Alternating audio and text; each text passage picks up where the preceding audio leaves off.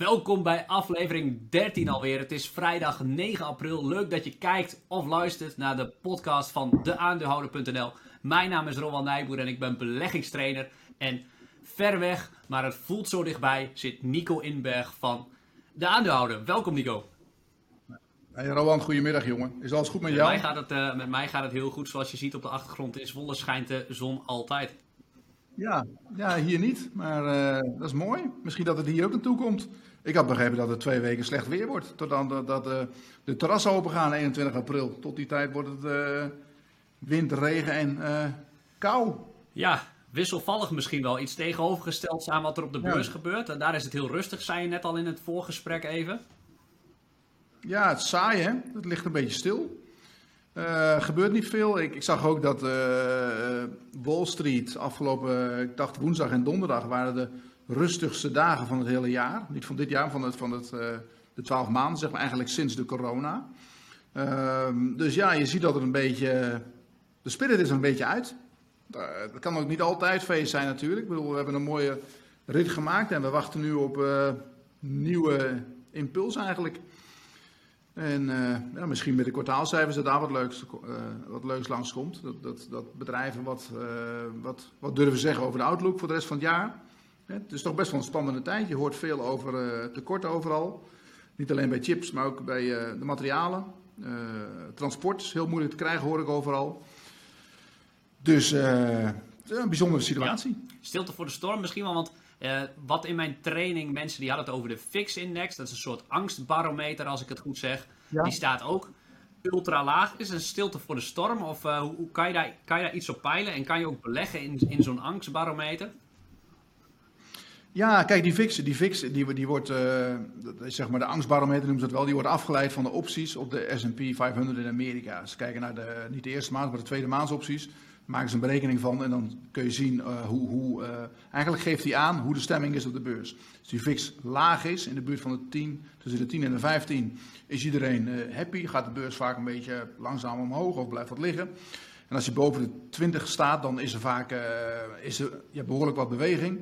En als het in elkaar dondert, zoals precies een jaar geleden, dan kan die oplopen naar 60, 70, 80, af en toe boven de 100 zelfs. Maar dat kan nooit heel lang, lang ja, uh, zo blijven, omdat uiteindelijk keert weer de rust terug en blijft die beurs, zoekt weer een nieuw evenwicht. Ja. Hè? En je ziet nu dat eigenlijk sinds de corona is uitgebroken, heeft die uh, ja, boven de 20 gestaan. Ja, voor mij is dat een beetje een, een kantelpunt, zeg maar. Als je boven de 20 staat, dan is, het, ja, is er van alles aan de hand. En nu is hij voor het eerst, eigenlijk sinds, nou ja, ik weet niet precies welke dag, maar denk sinds een paar weken is hij door de 20 gegaan omlaag. Hij staat nu rond de 16, 17. Nou, Vandaag is een vrijdag, komt er een lang weekend aan, dus dan is die, is die überhaupt vaak wat rustiger. Of een uh, lang weekend, maar gewoon een weekend. En uh, ja, dat geeft eigenlijk aan dat de, de rust zo langzamerhand weer, weer terugkeert op de beurs. Er, is ook altijd wel, er zijn altijd wel bijzondere dingen, links en rechts. Maar in zijn algemeenheid kun je zeggen dat het toch wel wat rustiger wordt. En dat, nou ja, voor heel veel beleggers ook wel fijn, want ehm, als je een lange termijn belegger bent, is het niet heel, heel leuk dat die beurs de hele tijd alle kanten opvliegt. Geeft veel onrust. Is ook vaak niet goed, hè? want als, als mensen dat uh, ervaren, de beurs heel bewegelijk is, hebben ze toch al zoiets van, nou dan ga ik er wel even uit. Dan hoef ik allemaal niet mee te maken dit. wacht ik wel tot hij wat rustiger wordt. En nu is hij wat rustiger eigenlijk. Dus ja. ja. Het is een beetje wachten, denk ik, op de. Ja, volgende week beginnen de kwartaalcijfers. Volgende week de week daarna. Uh, je ziet nu ook in het dividendseizoen, veel bedrijven gaan ex-dividend de komende weken. Dus er, wordt veel dividend uh, uh, afgehaald van de aandelen. ja, in die tijd zitten we nu een beetje. Ja. En één ding wat ik niet begreep aan wat je zei, is dat lange termijn beleggers in die zin niet van die volatiliteit houden. Nee, daar worden ze onrustig van. Kijk, dat, dat geeft, geeft onrust. Mensen die, die geld in de beurs hebben zitten. Kijk, je zou eigenlijk idealiter, moet je zeggen tegen mensen die, die beleggen voor de lange termijn, je moet niet elke dag naar de beurs kijken. Hè.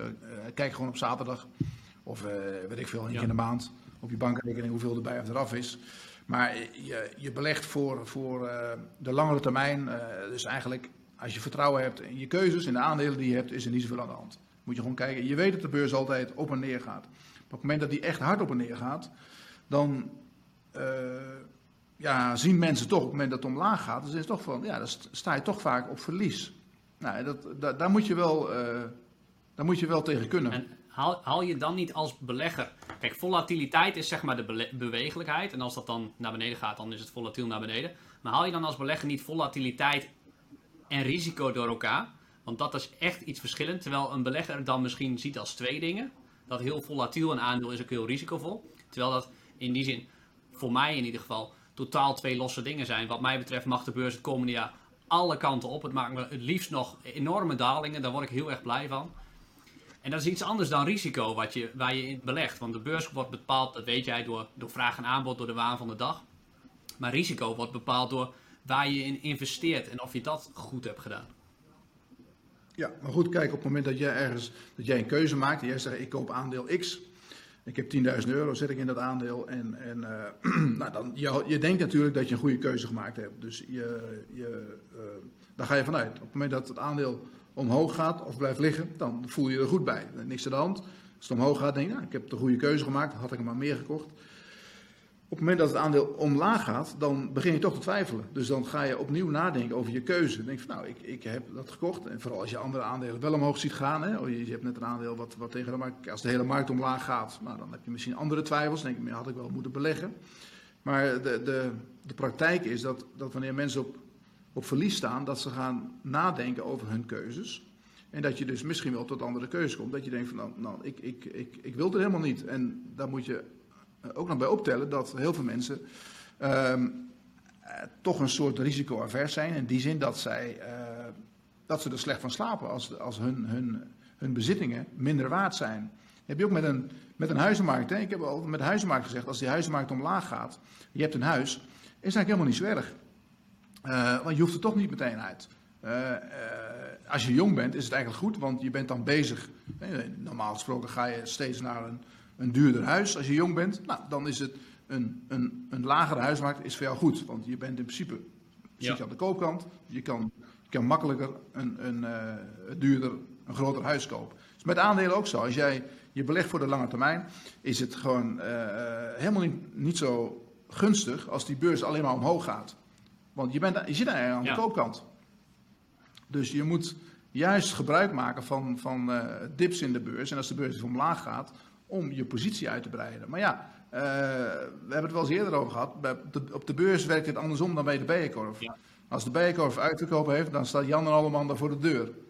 Vroeger hadden ze die, die drie dolle dagen. Nou, als het op de beurs, de beurs die zit naast de bijenkorf in Amsterdam. Wij zeiden wel eens, als het bij ons drie dolle dagen is, dan wil iedereen weg. Dan willen mensen van een aandeel af. Dan denk ik, oh god, het, ze denken dan altijd dat het nog laag gaat. Ik weet niet waarom dat is. Als je naar de bijenkorf gaat, er zijn aanbiedingen. Dan ga je ook niet denken van, nou, ik wacht nog, want misschien is het morgen 40% korting. Maar dat, dat is een beetje hoe het op de, uh, de beurs werkt. En dat heeft allemaal te maken met angst en hebzucht. En uh, ja, als de beurs omlaag gaat, worden mensen angstig. Ja, ja dat, dat, als ik mensen zie kijken, als ik dat op mijn trainingen vertel, dat je heel blij moet zijn als de beurs over een jaar 50% lager zet, staat terwijl je net begint met beleggen. Dan kijk, kijken ze me altijd raar aan, wat is het voor mafkees? Ja, maar dat, dat, dat, is ook wel te begrijpen. als, als zij nu een, een, ton investeren en jij zegt van, nou jongens, we gaan nu met z'n allen beleggen. We gooien een ton in die markt en over een jaar is die nog 50.000 euro waard. Ja, dan zijn ze meteen weg. Ja, ja. Dan kan je beter een jaar wachten. Zo werkt het ook alweer. Maar uh, je weet, weet, allemaal, timing vooraf is niet te doen. Want je weet nooit wanneer, wanneer het hoog en laag is. Ik bedoel, het wordt allerlei, allerlei factoren bepaald. Uh, je kan er van alles over zeggen, dat doen mensen ook. Hè. Dus een analist, de een roept dit, de ander roept, dat. Iedereen krijgt wel een keer gelijk altijd op de beurs. Alleen uh, op langere termijn is gebleken dat het heel moeilijk uh, timen is. En dat, dat ja, soms denk je wel eens van, is het aandeel is duur en dan gaat het nog veel hoger. En soms denk je het is goedkoop en dan gaat het nog veel lager. Dus het is, ja, dat is lastig. En je moet gewoon in mijn ogen altijd fundamenteel je huiswerk doen. En dan sta je altijd sterk. Ja, ja professor Kahneman uh, van Thinking Fast and Slowly heeft onderzocht dat beleggers die timen, dus instappen en uitstappen, 2% minder halen dan de hele groep die dat niet doet. En hij zei dan ook, of ik weet niet of hij het zei, maar it's not about timing the market, it's about time in the market. Dat je zo vaak mogelijk, ja. zoveel mogelijk belegd wil zijn. En dan soms, uh, soms is dat niet zo slim. Ik ben, ik ben altijd minimaal 80% belegd. En in die zin pak je zo'n coronacrisis dan ook uh, best wel vol mee. En dat is dan een risico wat ik accepteer, omdat zo'n crisis dus maar één keer in de vijf à tien jaar voorkomt. En dat is dan prima. Ja. En waar ik nog even naartoe wil, is die fix-index staat heel laag. En je, jij zei tegen mij voor de tijd, flow traders eigenlijk een, profiteert als de fix heel hoog staat. Als de onzekerheid hoogst is, dan maakt flow traders zoals het eerste kwartaal 2020 heel veel winst. Uh, die staan nu op het hoogtepunt. Hoe, hoe verklaar je dat? Ja, nou ja, niet, ze staan op de hoogte, ze staan eigenlijk heel erg hoog. Uh, en, je zag met name dat ze uh, afgelopen weken nog zelfs opliepen. Staat nu iets van 37,5 euro. En dat is objectief beschouwd, is dat vreemd. Want zij, zij verdienen veel geld als de, de beurs wild is. nou, als de VIX hoog is dus. Hè. Ik wil niet zeggen dat die VIX nu laag is, maar die VIX rond de, rond de 17, ja, 16, 17 is die niet extreem hoog. is natuurlijk af, in de jaren hiervoor is die veel lager geweest. Lag die ook rond de 11, 12. Maar goed, uh, um, Flow die, die verdient heel veel geld als de beurs wild is. En de beurs is nu, uh, objectief gezien, is de beurs rustig. Er is minder handel. De, het zijn de rustigste dagen sinds een jaar eigenlijk. Nou, dan, dan is het best opmerkelijk dat dit aandeel zo oploopt. Dat er een koper in zit. Er zit heel duidelijk een koper in. Je ziet dat, dat het aandeel gewoon anderhalf euro oploopt in een markt waarin eigenlijk weinig gebeurt. Je ziet heel veel andere aandelen, daar zie je het een beetje, daar is gewoon rustig. Er zit weinig, er zitten, weinig impulsen in. Uh, ja, het, het, lijkt erop dat de markt, wat wij dan noemen, een beetje moe is. Die een beetje uitgestegen is, zeg maar. Dat, dat de markt een beetje wacht op, op ja, wat er gebeuren gaat. En dat, dat men een beetje de kat uit de boom kijkt en beleggers niet al te veel doen. Nou, waarom loopt het aandeel dan toch op? Dat, uh, ja, daar kan je het hoofd over breken. Dat vind ik leuk om te doen. En dat kan allerlei uh, oorzaken hebben. Je weet het niet. Er kan, er kan een grote shortpositie in zitten. Uh, als je, je, kijkt bij de AFM, dan zit er onder de radar nog wel wat short in dit aandeel. Allemaal heel veel kleinere partijen eigenlijk. Of tenminste partijen met kleine posities in flow. Nou, misschien dat die dan terugkomen zijn. Toch een beetje zenuwachtig worden. Je zou kunnen zeggen, misschien is het de stilte voor de storm. Hè, dat men een behoorlijke daling verwacht. Nou, dat ze dan weer heel veel geld verdienen. Ze zijn bezig in de cryptomarkt. Daar, daar is de, de volatiliteit nog steeds hoog. Uh, die bitcoin, die, ja, die, die, daar, daar, is elke dag wel 1000 dollar af of bij, weet ik veel. Dus daar valt veel te verdienen. We hebben ook de, ja, volgende week heb je de, de, de beursgang van Coinbase. -hmm. Uh, nou, dat ja, vestigt ook een beetje de aandacht op die markt. Daar, wordt echt, daar gaat echt heel veel geld om, dat is ongelooflijk. Daar wordt heel veel geld verdiend, hoge fees ja. en alles. Dus ja, misschien dat ze daar al bij zitten. Ik ben, ik ben heel benieuwd. Ik heb zelf positie in de aandeel, dus ik vind het heel erg leuk dat het omhoog gaat. Alleen ik word er een beetje onrustig van, omdat het uh, uh, ja, tegen mijn gevoel oh ja. gaat. Ik blijf, blijf, gewoon stijf zitten natuurlijk. Ja, ja, als gevoelsmens doe je dan niet wat met je gevoel? Ik schakel op, op de beurs moet je eigenlijk je gevoel een beetje uitschakelen, maar we weten allemaal dat dat nee, niet mogelijk nee, is. Zeker niet. En, en uh, tegen je gevoel inhandelen is ook heel vervelend, kan ik je vertellen. Uh, ja, soms moet je dat wel eens doen. Eigenlijk moet je dat altijd doen, maar dat is, dat is uh, uh, ja. In dit geval, kijk, ik denk er wel over na. Je kijkt ernaar wat er aan de hand is en wat het eventueel zou kunnen zijn. Maar de, er staat wat er staat en wat er gebeurt en je weet nooit wat er aan de hand is. We zullen het wel zien. Ik denk dat zij een, heel goed eerste kwartaal hebben gehad. Ik zie ook de, de andere market makers, die zijn natuurlijk wel wat anders. Zitten veel in opties te handelen, bijvoorbeeld Optiver en IMC. Uh, had ook hele goede jaarcijfers. Uh, het is nog steeds ja, redelijk druk op de beurs. Er gebeurt veel, er gebeuren ook rare dingen af en toe. Zoals met dit hedgefunds, hedgefund uh, laatst. Uh, Archegos, dat, dat geeft ook beweging in bepaalde sectoren. Dus ja, ik denk dat er nog steeds voor dit soort partijen genoeg te doen ja, is. Dat denk ik ook. En zeker als je in die mega cryptomarkt, wat natuurlijk nu veel minder volwassen is, daar valt voor die flitshandelaren vallen waarschijnlijk, daar weet jij veel meer vanaf, veel hogere marges te behalen. Eén um, risico, en dat, hier weet jij misschien het een en ander vanaf uit je tijd bij Optive, de andere grote flitshandelaren in die zin in Nederland. Nee, je moet ze geen flitshandelaren noemen, dan worden ze heel boos. Die flitshandelaren, flow traders?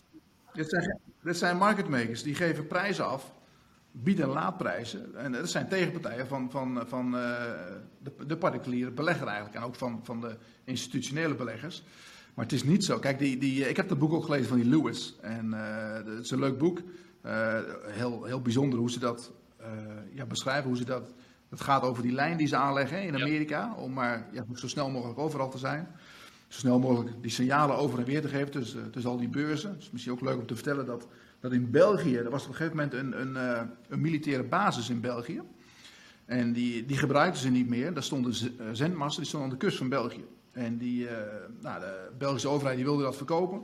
Die dachten dat ze daar misschien een paar ton voor, voor, zouden krijgen, maar dat is toen voor uh, een aantal miljoen verkocht aan een marketmaker, een, een, uh, een handelshuis.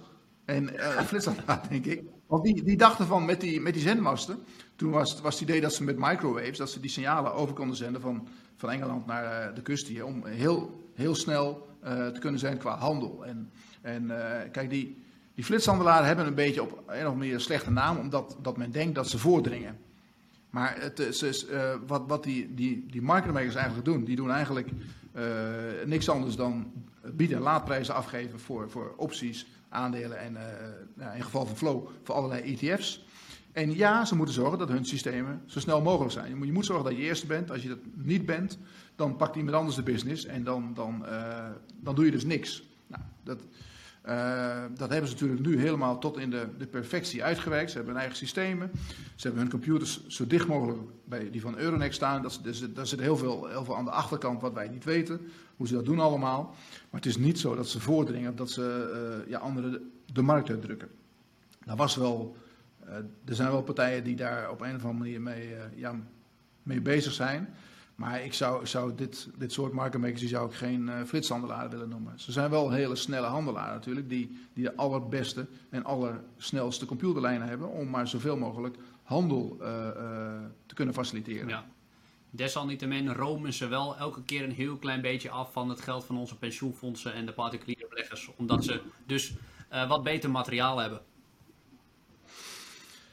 Ja, kijk, ik, ja, ik zie dat toch anders. Kijk, natuurlijk, ze verdienen geld en ze verdienen in, in uh, ik geloof dat de, er stond in de krant of in de quote dat de, de medewerkers van Optiver gemiddeld 1 miljoen verdienden afgelopen jaar. Dat is het totale winstgedeelte aantal werknemers. Nou, bij Flow was dat geloof ik een half miljoen. En die, die, die, jongens die verdienen in dit soort tijden, zoals afgelopen jaar, echt enorm veel geld. Aan de andere kant, uh, in rustige tijden verdienen ja. ze minder. Uh, ze zijn natuurlijk een, een bonusafhankelijk. Ze, ze worden betaald naar, naar gelang ze geld verdienen. Ze krijgen een laag salaris. Nou, heel laag is het ook niet, maar gewoon een ja, redelijk laag basissalaris. En uh, als het wild is, kunnen ze heel veel geld verdienen. maar ze zijn, er wel, ze zijn wel altijd in de markt. Dus ze geven altijd prijzen af. En als je nou ziet wat er de, hoe de, de, de, evolutie is geweest van die handel. Hè, toen ik daar stond, was in, in de jaren negentig. Toen, uh, toen waren de, de marges op de beurs best wel ruim. Als je bijvoorbeeld toen een optie wilde handelen, dan was de markt uh, 1,50 à 1,70. En nu staat eigenlijk de, in de grote fondsen staat alles met een stuiver of met een paar cent. Dus de, de, de, de, de, de marges voor die marketmakers die zijn veel lager geworden. Er zijn ook heel veel marketmakers gestopt, omdat de kleinere partijen die kunnen gewoon geen geld meer verdienen. Alles gaat naar die grote jongens. Die hebben elektronisch ogen, die pakken tik, tik, tik, gaat al die, die pakken die handel weg. Dus voor een particulier, uh, en dat geldt ook in zijn algemeenheid, niet alleen qua opties, maar bijvoorbeeld ook de, de komst van ETF's en alles, zijn de kosten, die zijn echt omlaag gegaan de afgelopen uh, jaar. En dat is heel erg goed. En dat is ook goed voor de pensioenfondsen. Plus, daar komt bij dat er de, deze partijen, die geven heel veel liquiditeit. Dus als jij iets wil doen in een markt, is er altijd een tegenpartij. En dat is, dat vinden we op een rustige dag heel normaal, of in een normale markt. Maar in een, in een markt dat hard omlaag gaat, uh, dan wil je ook graag uh, ja, subiet van je spullen af op een of andere manier. Dus dan moet er ook iemand zijn. En daar zijn zij. Zij, zij zijn natuurlijk de, de, uh, het, de verbinder tussen al die verschillende beurzen. Dus als in, als in, in Nederland iemand wil verkopen en er zit toevallig in Amerika een koper, en die komen niet bij elkaar, maar dan zijn zij de verbindende factor die dus het hier opvangt en het daar verkoopt. Dus er zit een, een, een uh, en daar krijg je natuurlijk een bepaalde fee voor. Ja. Nou, die fee is hoger als het, als het wild is, want dan wil ik tegen elke prijs van mijn aandeel af. Dan gooi ik de, ze wild erin en iemand anders die, die, uh, die koopt ze dan weer. En dan, uh, ja, dan is er, als er wilde handel is, kunnen ze heel veel geld verdienen. Oké. Okay. Nog, nog één vraag hierover en dan gaan we verder. Uh, je noemde dat boek van Lewis, dat heet trouwens Flash Boys. Dat raad ik iedereen aan om die wereld beter te begrijpen en dan in die zin zelf ook je oordeel te vellen. Um, in dat uh, beschreven ze ook een, een soort van flitshandelaar of market maker, noemen we het. Night Capital, die in één in een paar uur gingen ze eigenlijk failliet doordat hun algoritme verkeerd was afgesteld. En daardoor verloren ze 500 miljoen dollar. Ik weet het bedrag niet precies. Maar daardoor, daardoor waren ze gelijk failliet eigenlijk. Hoe, hoe kan dat bij Flow Traders ook gebeuren? Kan wel, maar eh, kijk, uh, ik denk tegenwoordig hebben die, die, de, de market makers en de handelshuizen, die hebben hun, hun, hun risicoparagraaf heel goed op orde. Dat is de afgelopen 20, 30 jaar denk ik heel erg verbeterd. Het, het, is wel de nachtmerrie van elke, elke handelaar, beurshandelaar of, en, en, ook voor aandeelhouders van Flow. Er kan altijd wat raars gebeuren, dat weet je niet. Er kan iets, iets verkeerd gaan met de, de systemen, dat een systeem op hol slaat, dat iemand je hackt, weet ik veel, ja, rare dingen doet. Dat kan altijd gebeuren. Dus dat is denk ik ook een beetje dat die, die, die, de, de waarderingen voor dit soort bedrijven altijd een beetje aan de de lage kant blijft. Dat zie je ook bij banken. Bij banken kan ook wat raars gebeuren. Uh, dus die, ja, een bank zal ook nooit 20 keer de winst doen of 25 keer de winst zoals een Unilever. Ja. Dus dat zit wel een beetje ingebakken in de waardering. En daar komt bij, bij, dit, bij handelshuizen weet je ook nooit. Uh, kijk, er is ook een soort ja, verrassing, kan er zijn, in de upside. Ze kunnen, ze kunnen op een bepaalde manier, je kan op de beurs soms uh, door, door heel goed op te letten of door, door stom toeval soms heel veel geld verdienen. Dat kan ook. Er zit ook een, een, een verrassingselement in. En dat zag je bij Flow heel erg. Die hadden in 2019 hadden ze een rustig jaar. Verdienden ze 1,10 per aandeel. Nou, dan kunnen ze dat allemaal uitkeren aan, aan, uh, aan dividend. Dus toen kreeg je 90 cent uh, dividend. Nou, de koers van 30 euro is dat 3 procent. Uh, dan is er eigenlijk niks aan de hand. Als jij een aandeel hebt en je krijgt 3% dividend en de, de koers verandert niet, nou, niks gebeurt. En toen kwam het jaar erop, maar dat die, die, de, de beurs rustig is, gaan mensen toch uit zo'n aandeel. Die waardering wordt, wordt lager en het aandeel zakt. En het jaar erop hadden ze, een, een, dus afgelopen jaar, hadden ze een fantastisch jaar. Kunnen ze met die, die crash die dan één keer in de zoveel jaar, laten we zeggen nu één keer in de tien jaar gaat de beurs 30% lager. Nou, daar zitten zij heel goed bij. Toen verdienen ze een tientje per aandeel. En, en nou, dan, dan heb je dus wel een, ja, zoiets kan één keer in de zoveel jaar gebeuren. En dan, dan is het bingo. Ja. Het hoeft niet te gebeuren. Je weet niet of het gebeurt. Want je, een crash die zie je eigenlijk per definitie niet aankomen. Uh, maar als die er is, dan zitten zij erbij. En dat is het mooie van zo'n aandeel. Want als jij als particulier, kan je er nauwelijks op inspelen. Weet je wel? Er zijn mensen die proberen het, dan kopen ze poets. Maar wat je vaak ziet in de praktijk is dat ze, ze kopen het hele jaar poets. En, en die, die lopen iedere keer waardeloos af. En op het moment dat het, dat het wel gebeurt, dan, uh, nou, dan maak je winst. Maar je bent er te vroeg uit. Ja. Het is heel moeilijk om te blijven zitten. Nou, dit soort partijen die kunnen in zo'n wilde markt in, in een, een, paar weken tijd enorm veel geld verdienen. Ja. En dat doen ze dan voor jou. Nou, dat, dat, dat vind ik een, een hele goede reden om zo'n aandeel in portefeuille te hebben voor een paar procent. Want uh, ja, in, als de beurs rustig omhoog loopt, oké, okay, dan gaat deze waarschijnlijk omlaag. Maar heb je altijd het dividend nog. En uh, als de beurs in elkaar dondert, dan ja, verlies jij op bijna al je aandelen. Maar dan gaat deze de lucht in. En ze verdienen ook echt heel veel geld. Dus niet alleen dat de waardering oploopt, maar je krijgt bijvoorbeeld Flow, wie dat afgelopen jaar gekocht had, op 20 euro of 25 euro zelfs. Nog kon je het nog kopen in de crisis. Uh, ja, dan kan je 6,5 euro aan dividend krijgen. Ja. 6,5 euro, 35 procent. Ja, ja. ja. Dus, uh, ja en dus, dus uh, de conclusie is, het is ook een lekkere put-optie eigenlijk onder je portefeuille. Ja, want ik vind, kijk, als, als, als mensen put-opties kopen onder hun portefeuille, vind ik altijd een beetje zonde ja. geld. Je weet, nooit, je weet nooit wanneer het gebeurt. Nou, ze zijn, per definitie zijn, zijn ja, put-opties die zijn niet goedkoop. En uh, het allerlastigste is nog op het moment dat het dan begint te zakken. Hè, dan, dan, dan, ja, je gevoel zegt eigenlijk, ik wil winst nemen op die put-optie, want daar heb je winst op. Je, hebt, je verlies op je aandelen, maar je moet eigenlijk de hele rit blijven zitten. Uh, alleen, je weet niet of het echt hard omlaag gaat of niet, of dat het maar een tijdelijk dipje is. Dus je, je, je komt dan voor de keuze, wat moet je doen? En dan maak je vaak de verkeerde keuze. Want uh, om de hele rit te blijven zitten, het is extreem lastig. En je hebt niet altijd dat het 30% omlaag gaat. Dat gebeurt maar één keer in 10 jaar of zo. Do, dip. Do, dip. Mooi. Wat is, uh, wat is je... Uh, dit was het hoofdstuk flitshandelaren, nee, market makers. Market ja, makers. En wat is je nog meer opgevallen de afgelopen week? Nou, waar zijn we mee bezig? Uh, we zijn natuurlijk met uh, dat is een beetje het, het verhaal van de week. Hè? Proces dat opeens uh, 2% van hun belang in Tencent verkoopt. daar kregen ze 12,5 miljard voor. En de grote vraag is natuurlijk, waarom doen ze dat? Nou, kan je zeggen, we willen, de onderwaardering is enorm. Er staat, het aandeel staat 30% ondergewaardeerd. Hun, hun belang in Tencent is, uh, ze hebben nu nog 28,9 procent. Dat is ongeveer 200 miljard waard. Terwijl het aandeel Prozus op de beurs in Amsterdam is 150 miljard waard. Nou, dat is een enorme onderwaardering. En dat heeft ja, te maken met dat enorme belang in Tencent. Maar het leuke is nu, ze hebben nu 2% verkocht. Dus moet je nagaan, het aandeel staat 30% onder. En dan heb ik nog niet eens over de belangen in andere bedrijven die ze hebben. Ze hebben heel veel andere uh, ja, belangetjes, bijvoorbeeld in, in, in Facebook en Rusland. Ze, ze hebben uh, iFoods in Brazilië, maaltijdbezorging, ja. heel veel dingen hebben ze. Maar uh, er is dus een enorme onderwaardering, 30%. En dan verkopen ze dat, dat belang in Tencent voor een deel. Maar dat verkopen ze met een korting van 5%. Dus het is eigenlijk heel raar dat er zo'n enorme onderwaardering is. Want uh, je, je, je, zou kunnen zeggen, die onderwaardering die zit erin omdat A, je hebt geen controle over dat aandeel Tencent. En je, het, het kan morgen 10% lager staan.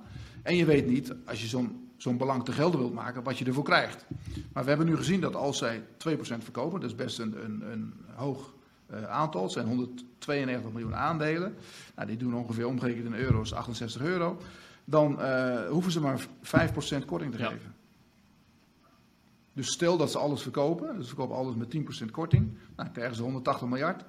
Beurswaardering 150 miljard, nou, kan je het gewoon uh, uitrekenen. Hou je 30 miljard ja. over. Dus ik, ik vond het opmerkelijk dat het aandeel daalde, Prozus. Uh, ik begrijp het wel omdat Tencent tijdelijk wat minder waard wordt.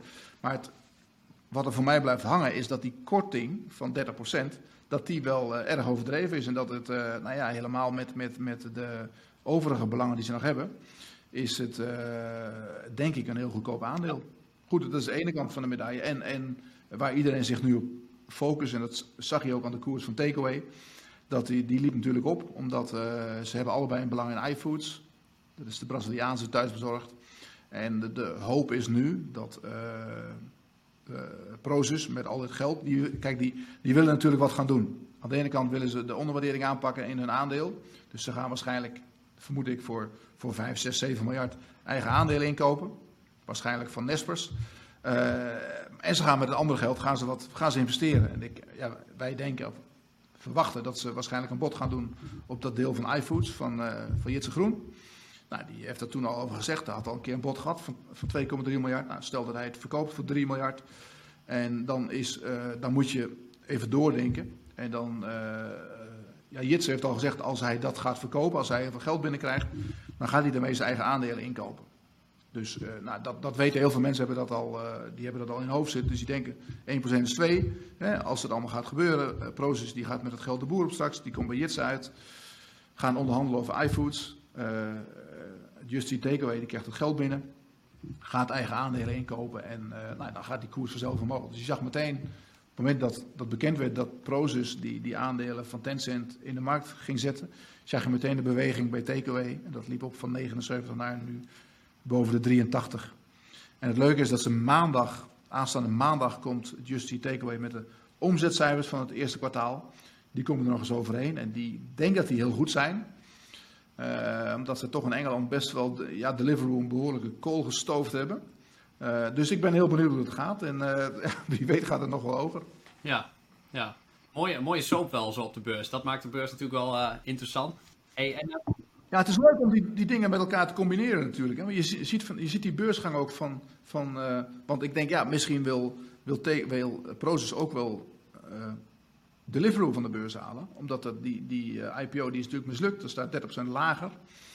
Maar ik denk dat zij gaan voor de, de winnaars. En dat ze niet, niet op Deliveroo. Ja, ja en is ook een beetje speculeren, dat spel volgens mij. Want uh, het proces zou ook in, in één keer met dat geld bijna Just Eat Takeaway kunnen kopen. Ze kunnen natuurlijk wel extra lenen wel. Ze kunnen ze ook doen. Ja. Gaat, gaat, gaat, gaat Jitse Groen natuurlijk niet meer akkoord? Nee, ik denk het ook niet. Denk, nou, je, je, het zou inderdaad... Kijk, ik, ik, denk niet dat ze het gaan overnemen. Hè, want dan moeten ze... Uh, nou ja, goed. Kijk, Jitse die, die ziet nu een koers van 85 euro heeft hij staan. Of, ja, 83, maar er heeft ook 110 gestaan. En ik denk dat, dat uh, Takeaway op termijn, als het allemaal lukt wat ze willen, dat, die dat het aandeel veel, veel hoger kan. Omdat ze uh, uh, dan echt geld gaan verdienen in al die markten waar ze nummer 1 zijn. Dus kijk, Jitse Groen is nog een vrij jonge vent. Die zal, dat, uh, die zal dat niet willen. Maar ze kunnen wel gaan samenwerken, omdat je ziet toch wel dat takeaway. Die, uh, kijk, die Jitse die heeft een behoorlijke stap gezet in Engeland. Eerst had hij Duitsland gepakt, nu Engeland. En hij wil ook al naar Amerika toe. Dus misschien is dat wel een stap te veel. Dus het zou ook zo, zo kunnen zijn dat uh, Prozus, die zitten in diezelfde markten, dat ze samen optrekken op een of andere manier. Uh, hij kan best wat hulp gebruiken in Amerika. Er moet heel veel geld tegenaan worden gegooid qua marketing. Uh, GrubHub is echt wel een, een nou die hebben het een beetje laten liggen de afgelopen, afgelopen jaren. Dus daar moet serieus geld in straks. Nou, Prozus heeft dat. En Prozus zit niet in Amerika. Dus misschien willen zij daar ook wel die markt op. En kunnen ze met, met, uh, ja, met op een of andere manier samenwerken om die Amerikaanse partijen, die zijn niet voor de poes, die hebben heel veel geld, DoorDash en uh, Uber Eats. Dus die staan, daar, uh, die staan ze daar op te wachten met opgestoopte mouwen. Ja, die, die markt is toch, is toch al verdeeld in Amerika, daar, daar kom je toch niet meer tussen? Nou ja, Grubhub heeft natuurlijk wel een behoorlijke positie in, in New York. Maar dat, in Amerika is dat wel een beetje, die, die, die, je moet dat, die, het is niet een hele markt Amerika, zeg maar. Het, het, is meer regionaal verdeeld. Dus je hebt zeg maar de regio New York, nou, daar heb je het al over 20 miljoen mensen, dus meer dan Nederland. Uh, en zo heb je overal die, die hubs, weet je wel. Ik bedoel, uh, platteland laten ze een beetje lopen, dat moeten ze zelf maar doen. Maar die, die grote steden, grote agglomeraties, daar wil je de baas zijn. En uh, je kan daar wel met, als je daar heel, heel veel marketing dollars in gooit, ja, dan koop je gewoon die nummer 1 positie. Zo werkt dat. Je moet gewoon heel veel geld hebben. En dan moet je de rest uh, uit de markt duwen. Wat ze nu eigenlijk in Engeland doen met Deliveroo. Dus uh, ja, het is, gewoon, het is gewoon een kwestie van geld. Je moet, je moet de, de grootste portemonnee hebben. En op het moment dat die Amerikaanse ja. ja bedrijven enorme hoge beurswaarderingen hebben, kunnen zij, kijk, zo'n DoorDash, die staat ook enorm hoog gewaardeerd. Dus als zij weer, die weer aandelen gaan uitgeven, dan kunnen ze miljarden ja. ophalen. Zo, dus dat is ook wat je bij Tesla ziet. Hè? Als die op dit niveau aandelen kunnen uitgeven, ja, dan kunnen ze gewoon, als ze willen, Toyota kopen of uh, Volkswagen. Nou, dan gooien ze daar de, de, boel dicht. Dan hebben ze gewonnen. Ja, maar wat jij dan zegt, degene met de grootste portemonnee wint, dat zal toch. Dan is, dat, is Just Eat Takeaway niet de winnaar. Als een DoorDash Amerika heeft, heeft veroverd, kunnen ze besluiten om op te schuiven naar Europa. Ja, nee, dat kan. Dat kan. Dus het, het, het is, heeft toch een beetje te maken met hoe hoe beleggers daar tegenaan kijken. Kijk, met Deliveroo zie je nou dat uh, de beleggers in, in Deliveroo, die, zijn die, hebben, die hebben door. Die hebben wel door van, ja, die gaat het niet winnen. Uh, het voordeel van, van uh, Takeaway is dat zij een thuisbasis hebben in Nederland en Duitsland waar ze geld verdienen. Dus er komt automatisch geld bij wat ze kunnen investeren in de nieuwe markten. Dat, dat is hun voordeel. En hij heeft een obligatie in de markt gezet van 1,1 miljard. Dus er is nu cash. Ze kunnen die, die marketingoorlog aangaan. Uh, maar als het, op een moment als het geld op is, dan moet je natuurlijk wel op letten. Als het geld op is, dan is, is het afgelopen. En dan moet je of nieuw geld kunnen ophalen. Nou, voor, voor is dat nu best lastig met deze koers. Want Jitsen die wil op 80 euro geen aandeel uitgeven. Uh, maar, en die Amerikanen kunnen dat op dit moment wel. Dus dat is een beetje het verschil. En het is te hopen dat ze het, dat ze het niet doen. Hè, dat DoorDash nu een beetje uh, rustig aan doen. Dat ze eerst gaan, uh, de, de business een beetje gaan opzetten. Maar dat ze niet als een gek nieuwe aandelen gaan uitgeven.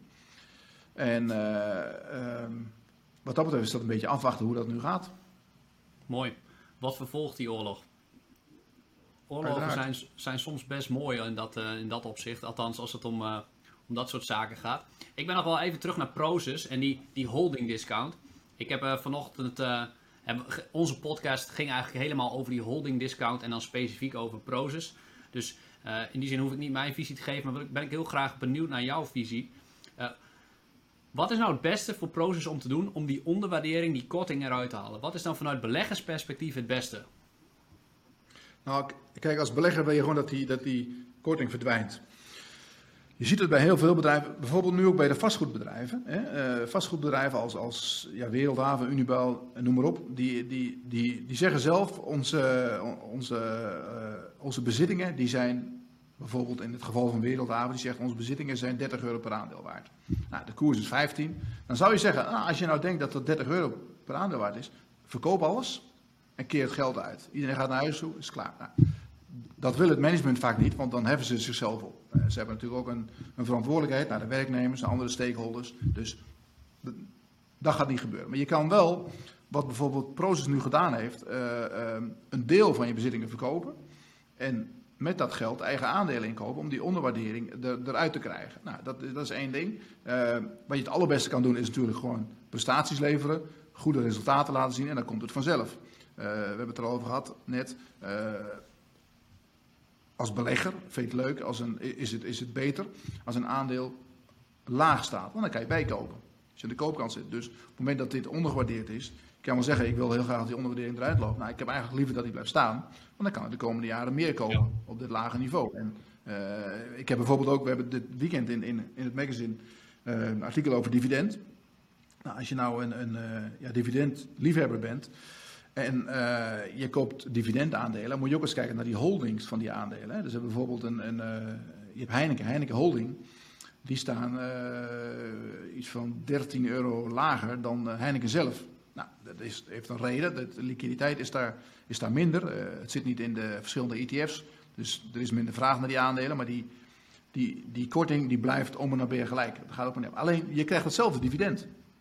Krijgt exact hetzelfde dividend. Dus wat kan je doen als jij zegt van nou, ik, ik, ik koop Heineken. Ik blijf gewoon 10 jaar zitten of 15 jaar, weet ik veel, maakt mij niet uit dan, dan kan je beter die holding kopen, want dan krijg je hetzelfde dividend over een lager bedrag. Dus het scheelt, ik heb dat uitgerekend met Heineken en ook met Shell. Je hebt ook een uh, uh, Shell aandeel B, die staat ook gewoon in Amsterdam genoteerd. Die kan je kopen, die staat een euro lager. Nou, exact hetzelfde dividend. heb je gewoon in plaats van 4% dividendrendement, heb je 4,3%. Dan denk je van, is niet veel. Maar als je dat jaar op jaar op jaar doet en je herinvesteert dat in die aandelen weer, nou, dan heb je gewoon een winnaar in huis. En uiteindelijk, eh, het enige waar je last van hebt, is dat die, die markt is iets minder liquide. Dus op het moment dat je er echt af wil in paniek, ja, dan maak je een slechtere prijs. Maar als jij zegt van, nou, ik heb vertrouwen in mijn eigen strategie en dit zijn goede aandelen, blijf gewoon zitten. Tot Sint-Jutemus is er niks aan de hand en dan kan je beter dat doen. Ja. En, en uh, die, die, die kortingen bij die holdings, dat is, ja, de vraag is, waar, komt dat nou precies vandaan? Uh, je ziet het in uh, ja, België ook vaak, bij, Hal bijvoorbeeld, hè, daar zit ook een korting op. Um, heeft te maken met natuurlijk, je betaalt extra kosten voor het management. Maar het heeft ja, met name te maken dat, dat die, die beleggingen die ze hebben, dus, ja, hebben ze vaak iets te grote posities in aandelen waar ze niet in één keer vanaf kunnen. Dus als ze dan eraf willen, dan, dan, uh, dan moeten ze een korting toestaan. Maar je ziet in het geval van Proces, die verkoopt voor 12,5 miljard van uh, Tencent in één klap en dat kost maar 5%. Ja. Dus ze zijn best liquide. ja, Waarom smeren ze dat niet uit over uh, vier keer in een jaar bijvoorbeeld? En dan, uh, ik, ik snap misschien dat dat dan als een zwaard van Damocles boven de markt blijft hangen. Dat ze weten, er komt wat aan. Ze hebben nu ook gezegd, ja, we gaan drie jaar lang niet verkopen. Is, is dat laatste misschien ook waar beleggers niet van houden en negatief reageren? Dat ze hebben aangekondigd drie jaar lang weer niks te gaan verkopen. Terwijl beleggers zien dat er ja. meer ja, en wat je zegt, aandelen worden ingekocht van Proces zelf. Ja, ja. Nou, voor een belegger is dat inderdaad niet zo gunstig. Ik, ik vond het ook een beetje lang, die drie jaar, maar dat, dat lijkt mij een toezegging aan het management van Tencent. Om te laten zien dat ze nog steeds wel, wel met dat bedrijf willen optrekken. Dat ze geloven in dat bedrijf, hè? maar ze, ze zien nu, wat ze eigenlijk zeggen van, we zien op korte termijn zien we uh, interessante groeimogelijkheden in andere bedrijven. En eigenlijk hebben ze geen geld meer, dat is het een beetje. Ze hebben geen geld meer, ze willen geld maken. Nou, dan ga je net, eigenlijk is het goed uh, portefeuillebeheer. Je hebt een hele grote positie in, in één aandeel. Je hebt zeg maar ja, 90% van je geld heb je in aandeel A. En je hebt 10% in allerlei kleine aandeeltjes. En dan moet je zo af en toe wat, wat, wat afromen van die, uh, uh, je aandeel A. En dat geld ga je herinvesteren in, in andere aandelen. Waarin je natuurlijk ja, betere groeimogelijkheden ziet. Kijk, dat Tencent is al zo groot. Ja, die zullen niet meer met 100% groeien. Ja. Nou.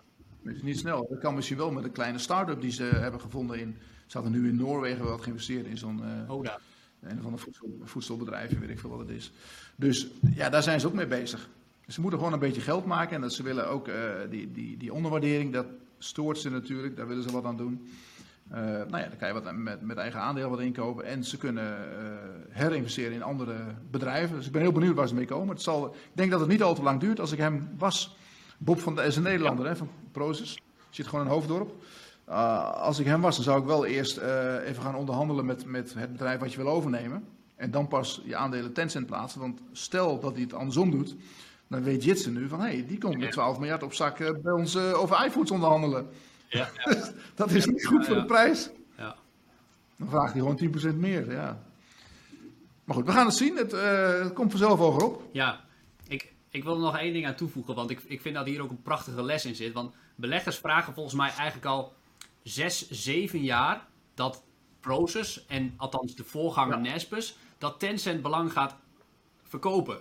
Maar ze hebben daar in die zin, ze hebben eerder een klein, klein deel verkocht. Maar ze hebben in 2001 gekocht voor 20 miljoen of zo. En het is nu, wat jij zei, 200 miljard waard. Keer 10.000 of zo ga je dan op, op, op die koers. En het geniale en de les die daarin zit voor veel beleggers is dat... Wat ze geniaal hebben gedaan, is gewoon dat ding 20 jaar hebben vastgehouden en die rit uitzitten. Dat is het enige wat ze hebben moeten doen. En het is juist heel goed geweest dat ze scheid hebben gehad aan die beleggers die gericht waren om die korting eruit te halen. Ja, je ziet dat heel vaak. Hè? Een heel mooi voorbeeld is, is ook is, bijvoorbeeld ASM International. Ja. ASM International staat nu 260 euro. Nou, die stonden een aantal jaren geleden rond de 14, 15, 18 zelfs. En die hadden iedere keer hedge funds achter zich aan. Die zeiden van, je moet dat deel in Azië. Ze hadden in Azië een heel goed lopend onderdeel. Dat heet uh, eh, ASM Pacific. Uh, uh, PT heette dat.